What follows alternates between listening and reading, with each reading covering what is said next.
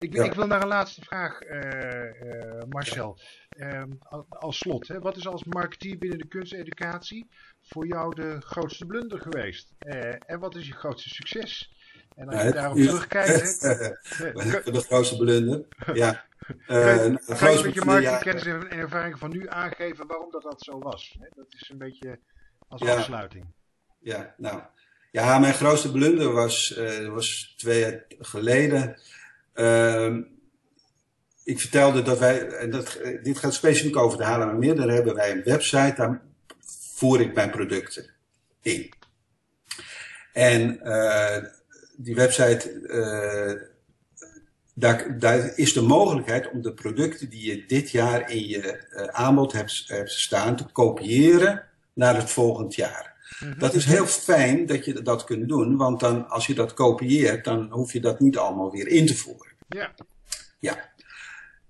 Maar wat gebeurde er? In uh, elk product zat ook een, een, een, een, tijdsspanne, uh, uh, een einddatum ja. in. Maar die werd één op één meegekopieerd. Dus wat gebeurde er? Oh. Toen mijn klanten uh, op de website gingen kijken wat ze konden boeken, waren mij al mijn producten verlopen.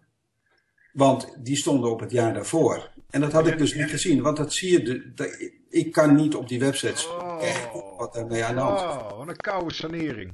Oh.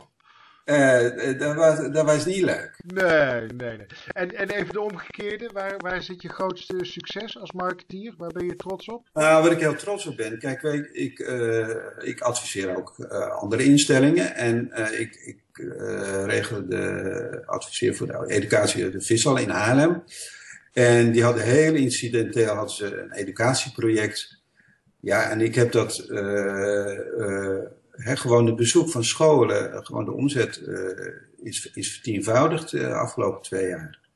He, dus er is een enorme groei geweest. En uh, dus, ja, daar is men heel blij mee. Ook van die subsidiebonus van 20%, die dan veel makkelijker binnenhaalt.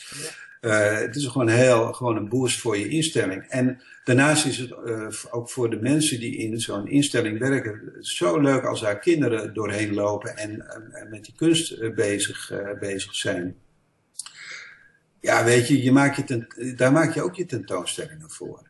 En uh, kijk, uh, marketing en, en, en dingen, uh, daarover nadenken is allemaal hartstikke leuk. Maar het onderwijs is ontzettend leuk gewoon om in de klas te staan en dat gewoon ja, heel leerlingen gewoon lekker, lekker bezig zijn met je vak. En dat, dat vind ik, dat, dat brengt mij altijd heel veel. Ja, dus, dus, dus dat geeft je eigenlijk heel duidelijk aan dat. dat ja, weet je, daar, je daar, kan er als marketeer naar kijken, maar uiteindelijk moet het vanuit uh, je kunstenaarschap en je liefde voor je vak moet het uh, gevoed uh, worden.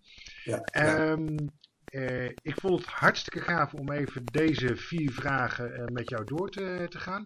Zitten er nog zaken op jouw lever die voor onze studenten van belang zijn om te, te weten. Uh, misschien dan nog uh, één laatste quote van jou binnen, dit, binnen dit interview. Vrije ruimte, zo gezegd. Oh jee, nou, ik zit, ik, kijk, Guus, jij kent mij. Ik heb een heel document gemaakt waar ik al alles heb opgezet. Maar volgens mij heb ik alles wel wel verteld hoor. Oh, oké. Ja, goed. Ja, dus dit, dit, was de elegante manier om dit eigenlijk uit uh, te vragen. Ja, ja, ja, Ik ben heel erg blij dat... Uh... Ik heb nog niet, niet een na, nabrander. Dus. uh, enorm bedankt voor, voor jouw waardevolle volle informatie. Dankjewel Marcel. Hartstikke goed. Oké. Okay.